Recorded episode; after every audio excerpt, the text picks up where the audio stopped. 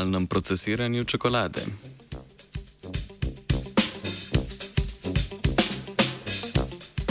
Raziskovalna skupina z Univerze v Licu je v znanstveni reviji Applied Materials and Interfaces objavila raziskavo o obnašanju fazno spremenljivih snovi, specifično čokolade.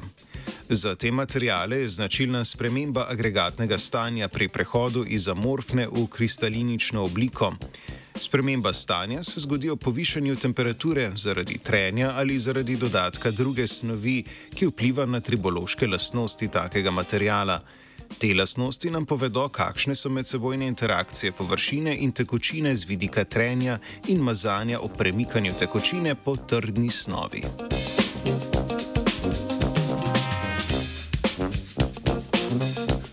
Tipičen primer užitnih fazno spremenljivih snovi je čokolada, pri kateri je trdna frakcija kakavovega praha in sladkorja raztopljena v kristalinični fazi kakavovega masla.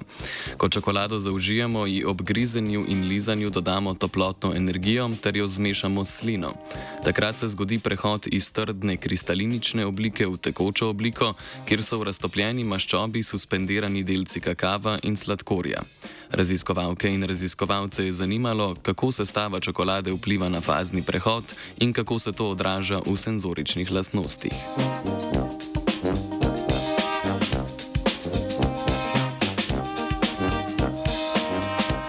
Čokolade z različno osebnostjo kakava, maščobe in sladkorja je raziskovalna ekipa testirala na instrumentu, ki so ga zasnovali sami. Ta oponaša okolje v naših ustih, vključno s temperaturo, teksturo jezika ter premikanjem jezika ob lizanju koščka čokolade. Z mikroskopom so sočasno spremljali spremembo agregatnega stanja v treh fazah zaužitja čokolade: ob lizanju koščka čokolade, lizanju staljene čokolade in lizanju čokolade raztopljene v slini.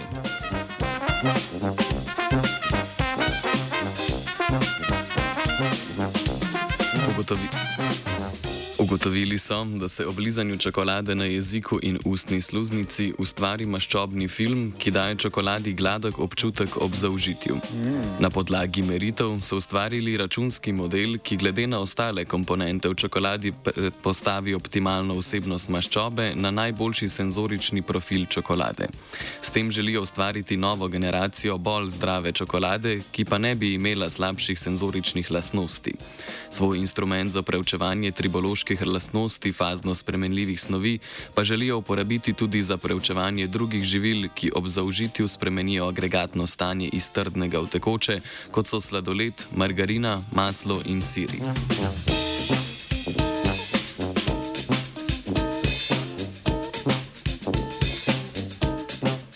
Samostojno analizo čokolade je danes že opravil Tim.